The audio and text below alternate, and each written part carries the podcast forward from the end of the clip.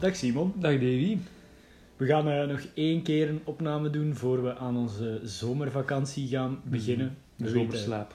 we weten eigenlijk nog niet goed of we nog een aflevering tijdens de zomer gaan doen. Maar na de zomer zijn we sowieso terug met de provisoire getitelde Simon en Davy Show. Klopt. We hadden ehm, heel weinig voorbereid, omdat we ook een beetje, alleszins ik en ik vermoed jij ook, in de Ja, ja. laatste rush voor ehm, het grote verlof Mhm. zitten. En eh, ook gewoon het een beetje laten liggen.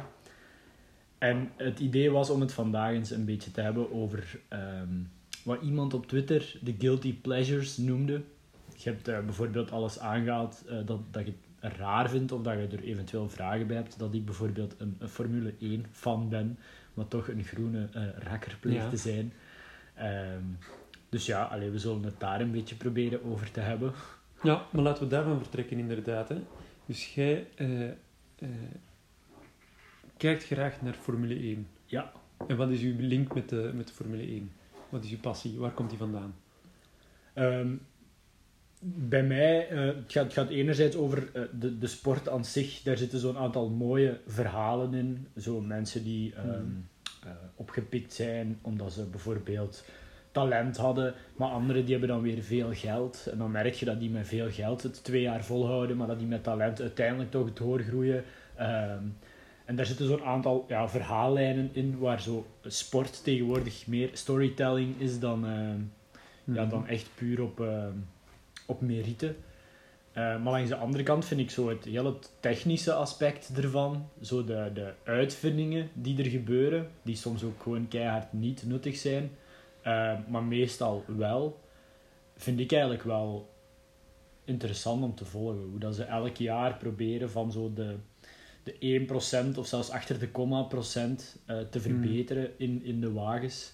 Dat lijkt me wel... eh, Maar dus, want voordat ik, voordat ik mijn bezwaar begin te uiten, want ik weet er gewoon echt heel weinig van ook, ja. van Formule 1. Maar dat houdt u niet tegen om bezwaren te Oh hebben. nee, in tegendeel. Als ik er te veel van Ja, wist, zou dat ik er waarschijnlijk niet meer, Game. niet meer tegen zijn. Maar, dus je hebt hoe goed iemand stuurt, Ja, hè, en je hebt ook hoe goed de motor is van, van, van de Formule 1 ja, en dan ook Maar nog hoe hoe is goed dat- de, de, de vorm van de auto Ja, is, voilà, dus zodat alle de motor aspecten. eigenlijk misschien niet Ja. zo goed hoeft te zijn. Maar hoe wordt, hoe wordt dat in regels gegoten? Ja, degene die dus het eerste over de lijn komt, die wint. Nee, nee, maar hoe wordt in regels gegoten dat uw motor... Zijn er limieten aan, aan wat uw motor Ja. mag of kan? Ja, dus ehm, eh, er zijn een aantal teams die eh, constructeursteams eh, heten, zoals dan bijvoorbeeld Ferrari. Mhm. Hè, die maken dus ook auto's en hun eigen motors. Eh, maar dan zijn er ook andere teams, zoals bijvoorbeeld het team van onze Belgische landgenoot Stoffel van Doornen. Die rijdt in een McLaren, maar zij gebruiken een Honda-motor. Dus het enige wat het team doet, is eigenlijk een, Oh, een motor overkopen. Dus van meestal zelfs het jaar daarvoor, want die, Ferrari verkoopt nu de, de eh, Ja. motor van vorig jaar aan teams die dus fabrieksteams genoemd worden. Eh, en zij maken daar dan een betere buitenkant voor, zodat ze met die motor meer kunnen doen. Maar natuurlijk gaat een Ferrari nooit een heel goede motor van dit jaar verkopen aan anderen, want dan zouden ze niet winnen. Nu, het is dan ook een beetje raar dat zo'n team als McLaren meedoet, want ze weten dat ze eigenlijk nooit van zijn leven gaan winnen. Eh, alhoewel dat, dat in het verleden wel gebeurd is, eh, want Honda heeft geen eigen team. Hmm. Eh, dus die maken dan weer alleen maar motors. Ehm, maar er zijn dus eh, technische limieten die dus ook om de zoveel seizoenen veranderen. Ehm, bijvoorbeeld nu zit er een heel systeem in die wagens, iets wat tien jaar geleden niet bestond, van energy recovery. Dus waar ehm, elke keer als ze remmen en de warmte die van de banden komt op een of andere manier eh, mag en kan opgeslagen worden. Eh, en ze- dat is eigenlijk zo goed geworden doorheen de jaren dat ze nu een limiet hebben op hoeveel er op de batterij in de wagen mag zijn. Omdat anders degene met het betere systeem een te groot voordeel zouden hebben. Iets wat nu eh, overgeheveld is of keihard leeft binnen de Formule E, de elektrische Ja. Formule 1. Ehm, en dat vind ik eigenlijk wel interessant, omdat je ook merkt aan een aantal van die technologische vooruitgangen, die dan vroeger echt enkel op PK en CC en zware motors waren en dan naar sportwagens overvloeiden voor mensen die een zware voet hebben, merk je dat die dingen nu vaak voortvloeien naar eh, gewone wagens. Wagens die ik bijvoorbeeld zou kopen of bij Cambio zou uitlenen. Ehm, zoals Mhm. het ehm, recupereren van warmte en eh, energie bij het remmen bijvoorbeeld. Eh, die dingen vind ik wel heel interessant om te volgen ook. Mhm. En je merkt dat meer en meer de marge zit in die technologische vooruitgang. Ehm, gekoppeld dan natuurlijk aan, je moet iemand hebben die goed met een auto kan rijden. Want allee, als ik in de beste auto zou kruipen, zou ik nog, eh, denk ik, na twee bochten eruit Mhm. liggen. Ehm, maar dat, dat vind ik wel, wel interessant, dan zo de- waar de marges liggen. Zo. Ik heb daar altijd zo wel een soort nerdy interesse voor gehad. Ja, echt die technische marges. Van, Ja, en dan zo de, de menselijke verhalen dat Lewis Ja. Hamilton zo'n beetje een nukkige droes wordt als hij niet kan winnen en op iedereen begint te zagen. En Oh ja. allee, zo, want dat dat is bij natuurlijk. voetbal en zo. Ja, ja. Want wat, is, wat, wat ik...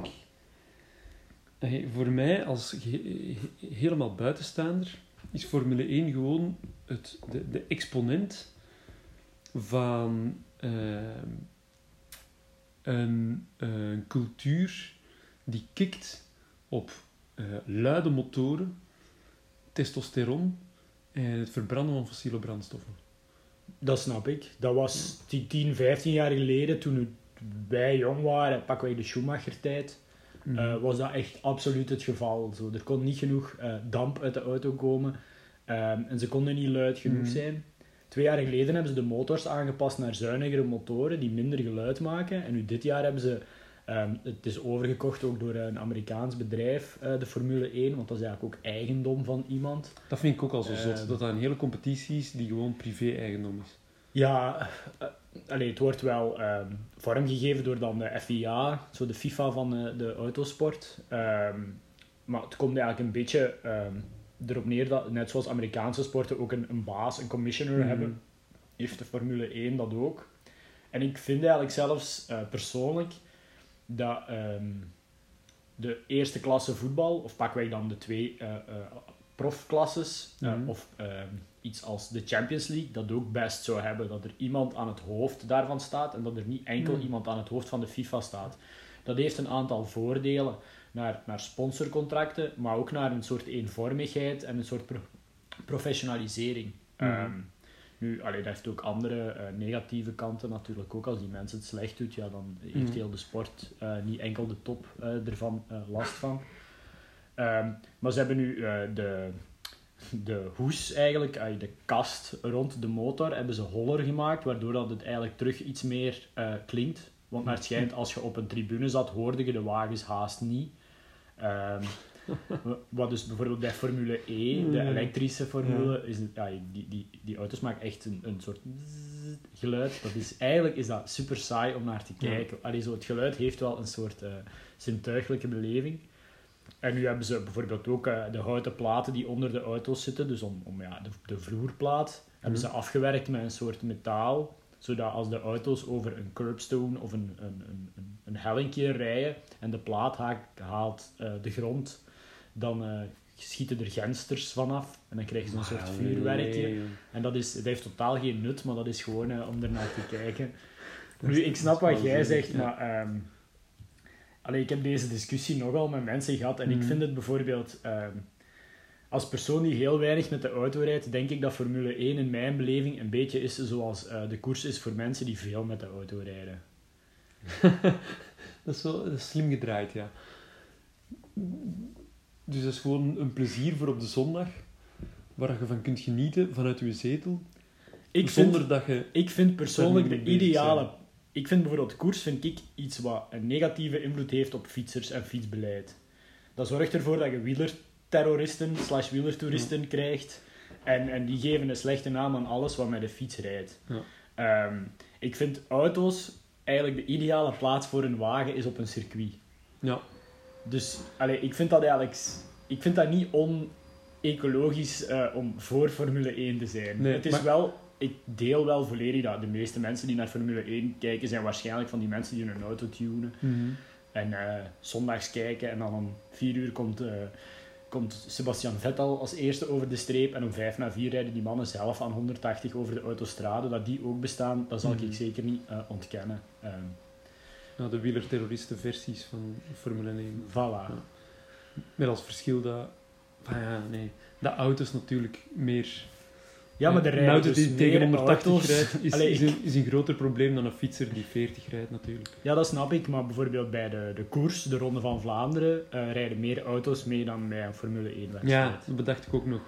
Die rijden dan allemaal tegen 40 per uur of zo. Ook. Allee, het is ook maar zo... gevaarlijke omstandigheden. Vandaar ook, hè, we, we waren dit zo aan het voorbereiden en, en ik haalde dan ook aan van hè, zo de guilty pleasures. Ehm, en en ik, ik vind dat zelf altijd dubbel. In de vorige aflevering Mhm. met, met Lien over ehm, permacultuur was het ook zo rond de bioplanet bijvoorbeeld. En dat ik Ja. dat eigenlijk iets, iets, iets raar, iets speciaal vind. Ehm, terwijl ondertussen onze, Voorbij het raam passeert er iemand met een stofzuiger. wordt. Maar dus eigenlijk is voorbij het raam is een afgrond, dus dat is een beetje gek. Ja, dat is een beetje eng voor die meneer, Ja. denk ik.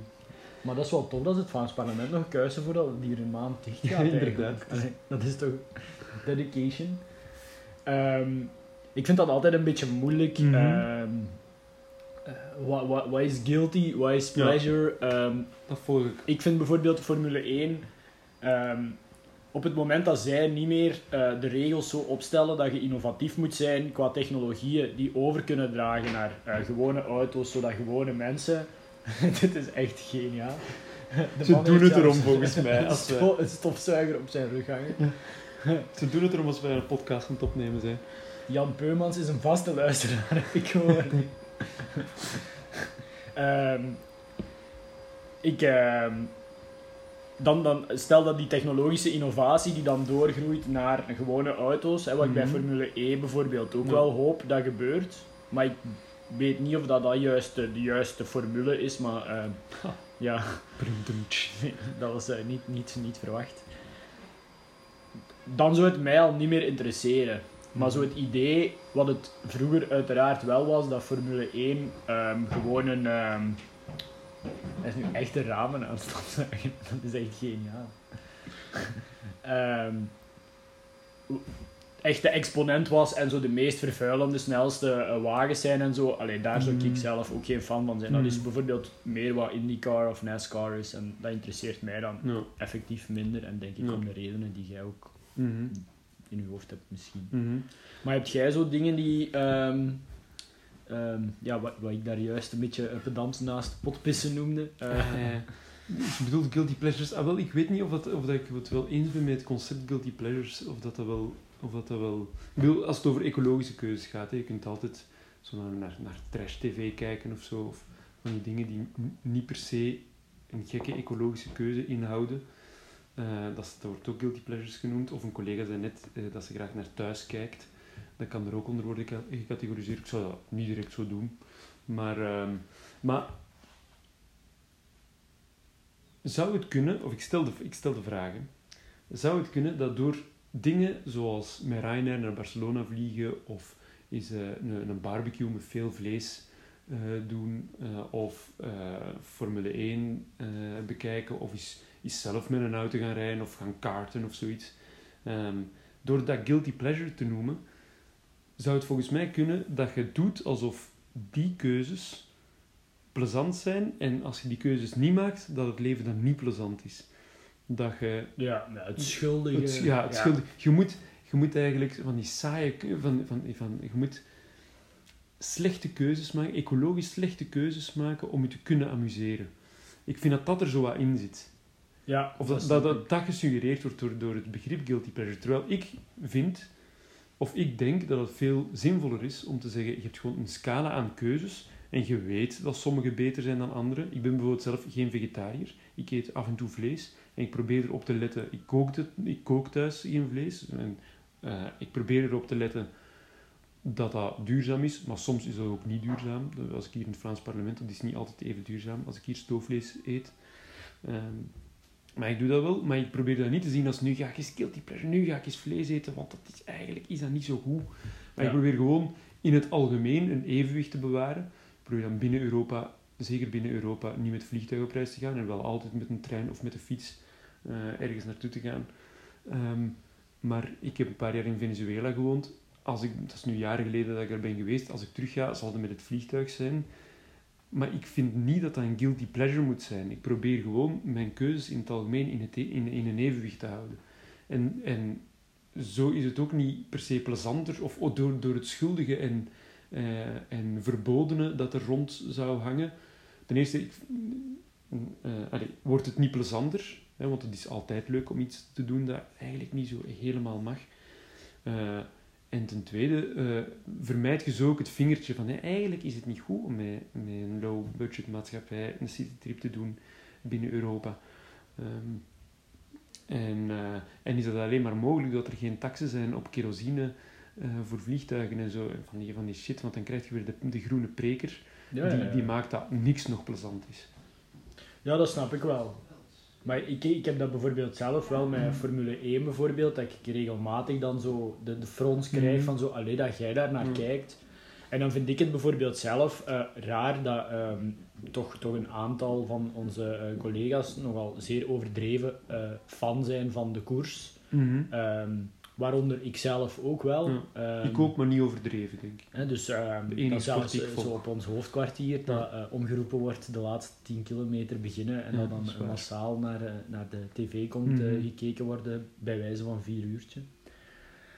Nu, allee, ik, vind dat, ik vind dat een goede zaak, maar langs de andere kant vraag ik mij dan ook wel soms af van, is dat ook wel een ecologische manier van met de fiets rijden? Mhm. Hè? Die drie Mhm. helikopters die daar rond eh, zweven, al die motards, al die auto's die daarachter rijden, die mensen die dan met een auto keihard alle binnenwegesjes aan het afrijden zijn om de koers drie keren te kunnen zien op één dag. Allee, ik, vraag, ik vraag me dat eh, soms ook wel af. Maar ik deel perfect wel wat je zegt. En voor mij past dat ergens ehm, in zo'n soort kader dat ik wel voor mezelf heb van bewust consumeren.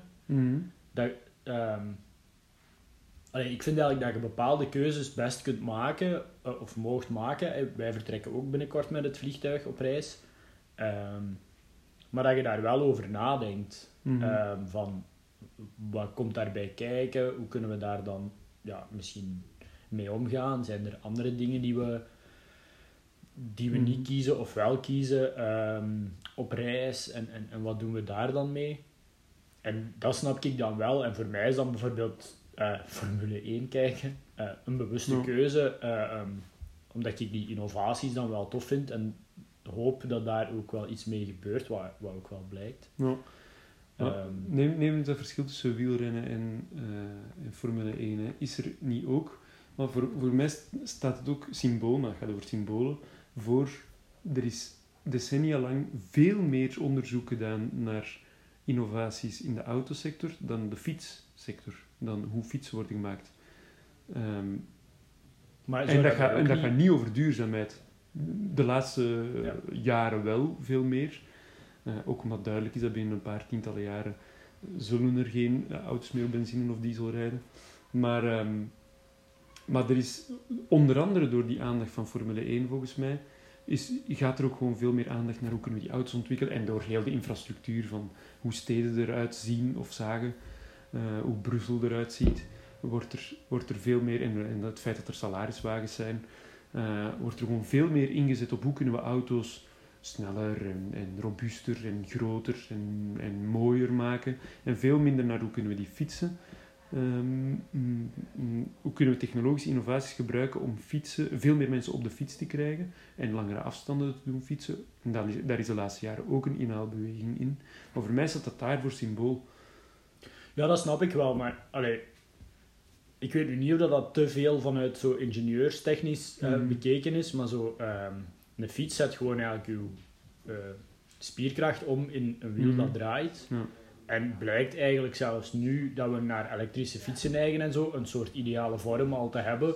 En lijkt voor een stukje, eh, af- onafhankelijk dan van batterijen en, en, en automatisering en alles wat er daarbij komt kijken, wel een soort uitgekristalliseerd idee, de fiets. Mhm. Ja, Waar de auto is eigenlijk een, manier om ehm, eh, olie of eh, andere eh, brandstof om te zetten in mechanische beweging, waarvoor je dan een motor nodig hebt. En uiteraard is het altijd wel een neiging geweest om eh, ofwel meer kracht uit dezelfde olie te halen, ofwel minder olie te gebruiken om dezelfde kracht eh, Mhm. te krijgen.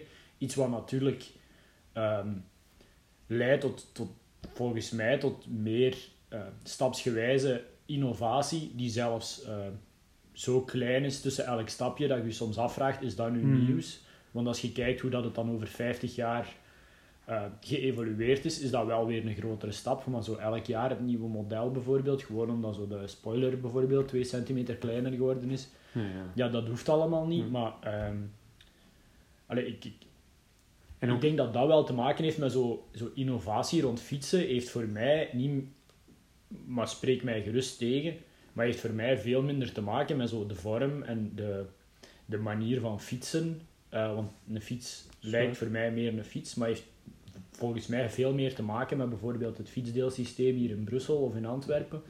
Ehm, met fietsostrades, zoals van Mechelen naar Antwerpen. Eh, binnenkort gaan we in Mechelen een systeem op eh, de markt eh, brengen van deelfietsen die gewoon kunnen achtergelaten worden. eh, waar dan zo'n GPS-chip in zit en dan kun je een beetje Uber-gewijs een kaartje open doen om te zien waar is een fiets en dan kun je die openen met je, met je gsm. Ehm, dat zijn testen, dat is innovatie. Gaat dat werken? Dat weten we niet. Ehm, Mhm. Maar we gaan dat wel testen. Maar je fiets blijft uiteindelijk wel, wel uw fiets. Ik denk dat je stad eerder Ja. moet innoveren richting uw fiets, waar dat zo'n auto innoveert op zichzelf. En daardoor alles eigenlijk naar zijn wil doet plooien. ja. Ja, het groeit wel naar elkaar toe, hè, want die fiets... Allee, je, hebt, je hebt ook, door bijvoorbeeld elektrische bakfietsen en zo te hebben, maak je echt auto's overbodig. Hè. En kunt je, je kunt nog, daardoor kun je veel meer grief of eh, kinderen vervoeren. Dan, want want die, die innovaties in, bij een auto bijvoorbeeld, die gaan dan altijd over hoe kunnen we toch net iets efficiënter, die kleine marges waar jij het over hebt, een, een vehikel van een, bijna een ton verplaatsen om een mens van 80 kilo mee te verplaatsen. Dat wordt in de film, de documentaire De Main, wordt dat zo uitgedrukt van hoe waanzinnig is het dat je toestellen van een ton bouwt om mensen van 80 kilo, want ik, ik woon hier aan in- een invalsweg eh, van de pendelaars in Brussel. Al die pendelaars, bijna allemaal, uiteraard diegenen die naar deze podcast luisteren, zijn, zijn eh, ofwel trainers ofwel eh carpoolers. Maar die, die zitten bijna allemaal alleen in een auto en die hebben bijna allemaal alleen maar een aktentasje bij. Het is waanzinnig dat die met een auto gaan.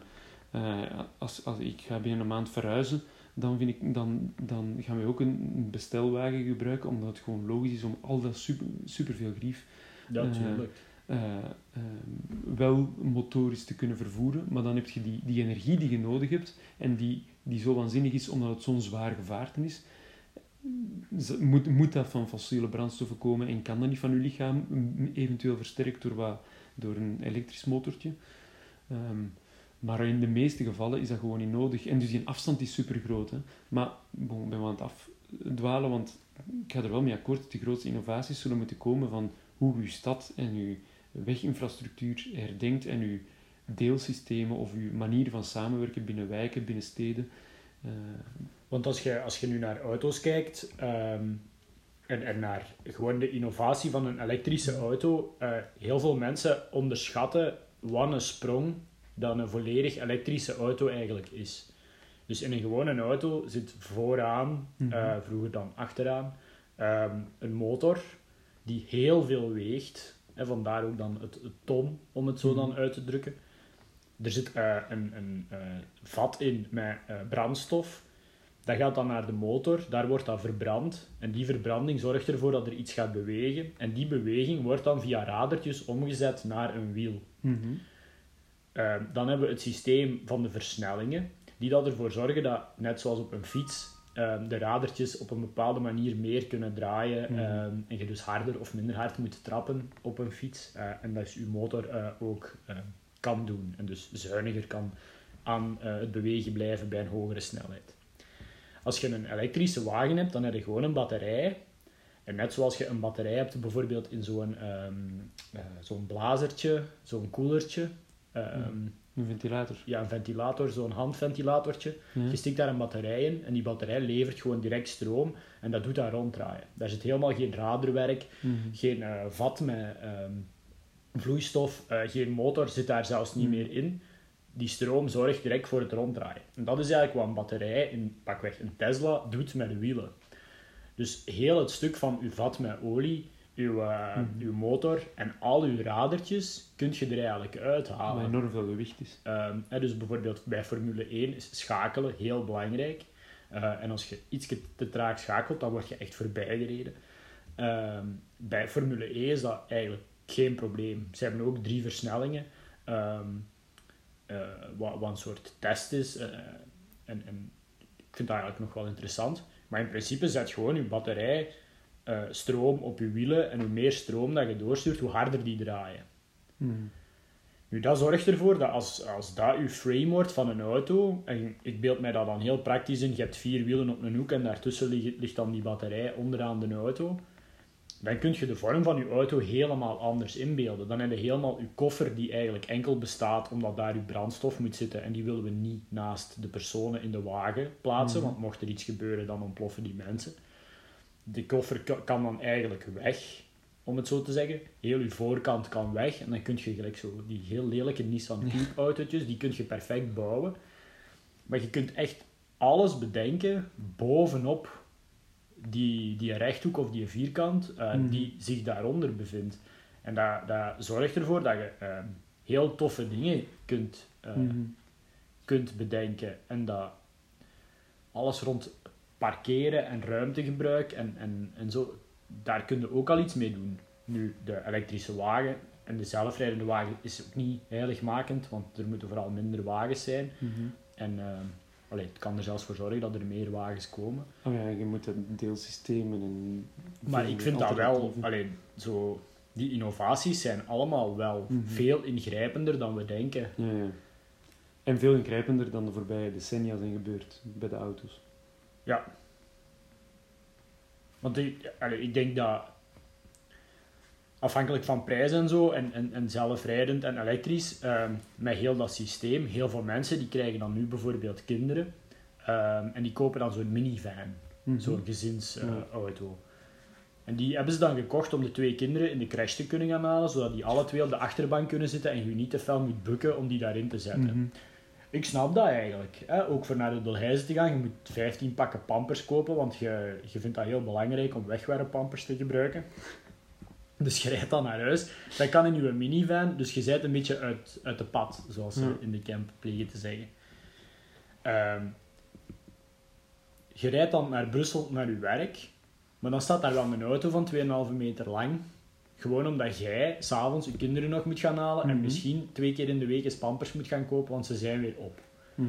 En zo, heel dat systeem, als je daar ehm, mee kunt spelen met elektrische mobiliteit en met die chassis, dan denk ik dat, dat dat voor een aantal mensen ook wel interessant gaat worden. Want nu bijvoorbeeld Cambio in Mechelen bijvoorbeeld, eh, Cambio heeft ook zo verschillende maten van auto's, maar zo alle Cambio's in mijn buurt zijn dezelfde auto's.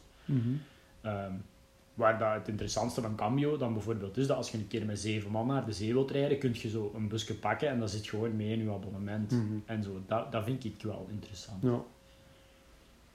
Maar natuurlijk, het gaat, het gaat over heel...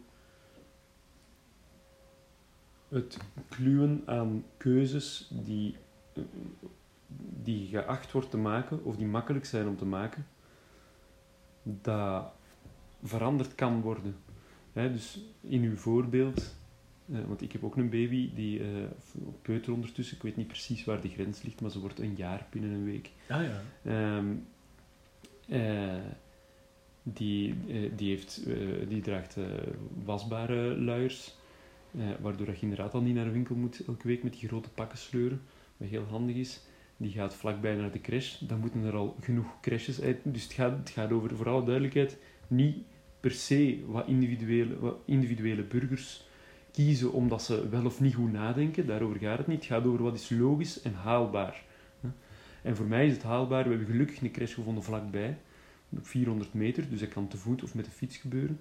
Die wasbare luiers, eh, wij, wisten dat dat bestonden en wij, wij hadden het budget om in ene keer eh, van die luiers aan te kopen, want dat is duur in het begin en dan betaalde twee jaar niks meer, buiten je wasmachine. Ehm, maar dus je moet dat kunnen betalen in ene keer en daarna is dat goedkoper. Eh, en, en, en ik woon ook nog eens vlak bij mijn werk en ik heb een goede fiets en ik fiets graag en ik ben gezond eh, om naar het werk te kunnen fietsen.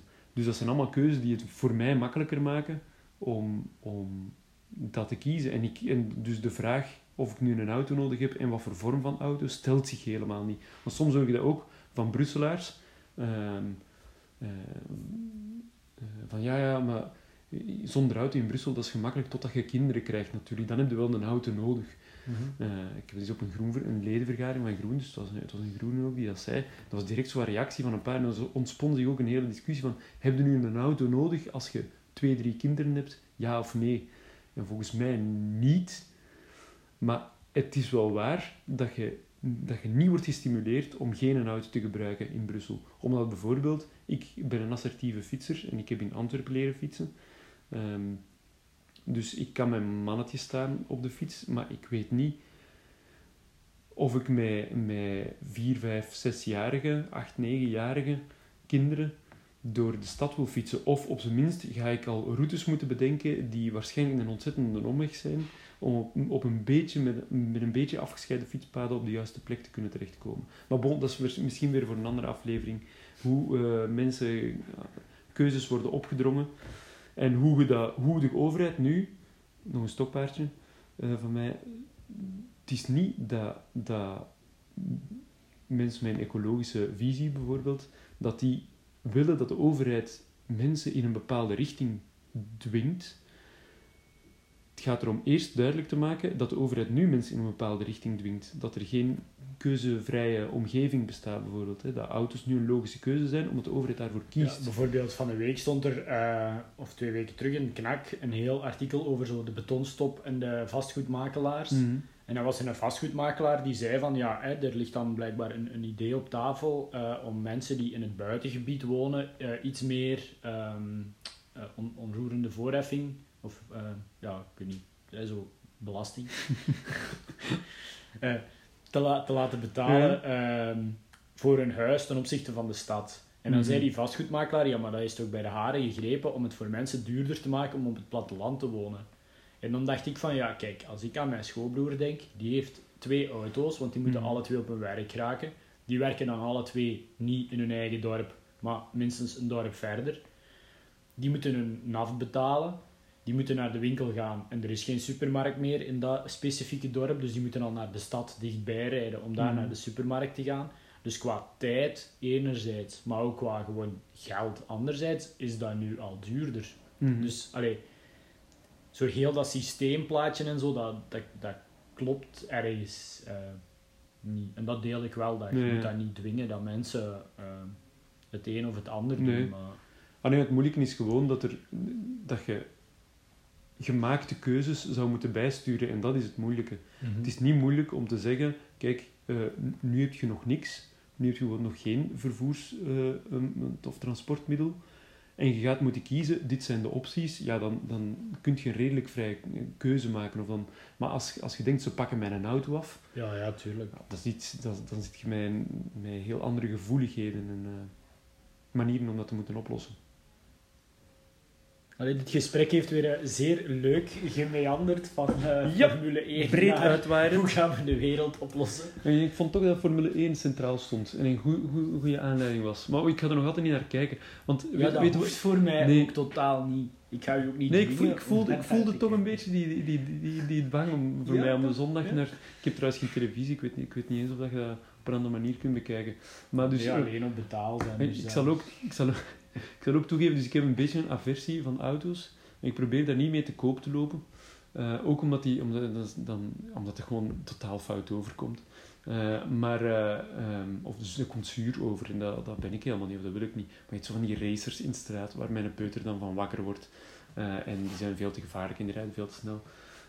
Maar, ehm, wat ging ik nu zeggen? Ah ja, maar ik zal ook toegeven, volgens mij komt mijn aversie jegens auto's ook vanwege het feit dat ik makkelijk wagenziek word en dat ik dus echt een beetje getraumatiseerd ben als, ben als kind. Dus dat komt niet allemaal uit eh, intelligente, eh, systeemkritische bedenkingen. Dat komt ook uit, ik vind het auto gewoon niet tof om in te zitten, dus ik ben heel blij dat ik geen auto heb en dat ik er niet in moet zitten. Ehm, en dat, ik, heb, ik heb mijn rijbewijs wel moeten halen van groen toen ik hier begon, omdat ik, omdat ik lokale groepen in de camp eh, ondersteunde. En, en volgens Groen was dat onhaalbaar zonder auto. Dus Groen was eigenlijk als organisatie veel realistischer dan ik zelf toen ik hier kwam. Nu ben ik eh, een stuk pragmatischer dankzij mijn werkgever. Eh, maar bon, ik ga niet naar eh, Formule 1 kijken en jij gaat er naar blijven kijken. Als er zo werkelijk super interessante innovaties zijn bij de Formule 1 of de Formule E, wat echt een heel lullige benaming is trouwens, Ehm, laat het weten, dan kunnen we daar nog eens een podcast, of op zijn minst een postscriptum van een podca- podcast Ja, want aan, normaal eh, gezien wijden. dit weekend ging het dus Formule E zijn in Brussel. Ja, Hè, zo. want zij rijden eigenlijk in steden, ehm, meestal Ja, zo. op zo'n stadscircuits. Maar dus blijkbaar was dat ehm, ja, eh, voor sommigen binnen de stad Brussel eh, onmogelijk om dat enerzijds dan op het eh Expo-park te doen en anderzijds eh, rond, ik weet niet of het Koekelberg was of eh, ergens anders. Ehm, maar er waren twee opties en Mhm. blijkbaar is dat niet rondgekomen binnen de stad. Ja. En ik vind dat eigenlijk oprecht spijtig. Ja. Ehm, niet, ik, ik had zelf niet kunnen gaan, want ik, eh, ik, ik kan dat weekend niet. Ehm, maar ik vind dat wel... Ja, ik, ik had dat tof gevonden mocht, mocht zo... Dat we niet alleen bekend staan met Francorchamps en de 24 uren en zo. Dus een oproep aan de, van u aan de 19 gemeentes, de regering, de Vlaamse gemeenschapscommissie, de Franstalige gemeenschapscommissie en de gemeens- gemeenschappelijke gemeenschapscommissie en de federale Ja, overheid. en Grimbergen waarschijnlijk. Vlaamse ook gemeenschap, ergens. Ja. Ja, en Grimberg, ja, ongetwijfeld. Dus ook de Vlaamse overheid. En om, om toch eens samen te zitten in een kleine werkgroep Ja, en het mogelijk te maken om Formule 1 naar Brussel Ja, te brengen. Ik ben beschikbaar. Eh, mij mogen je altijd mailen voor die vergadering. Eh, dat is geen probleem. Ja, dan eh, zullen we eens aan de zomer beginnen. Hè? Goed idee. Als we terugkomen, dan eh, vind je ons via de geëikte kanalen. Hè. Ja, Simon en Davy.show. Eh, mocht u luisteren op iTunes, zet de sterretjes op 5. In Overcast, Pocketcast, alle andere dingen. Klik op de sterretjes en op de duimpjes omhoog. Reacties at Simon en Davy.show. Voor die ene luisteraar kan het ook op appgm at Simon en Davy.show. en Simon kan je vinden als... Op Twitter als eh, apenstaart Simon Horsten. Kijk hoe. Ik ben Dave onder andere op Instagram. En eh, ik zie jullie, of hoor jullie, of jullie horen mij na de zomer. Salut!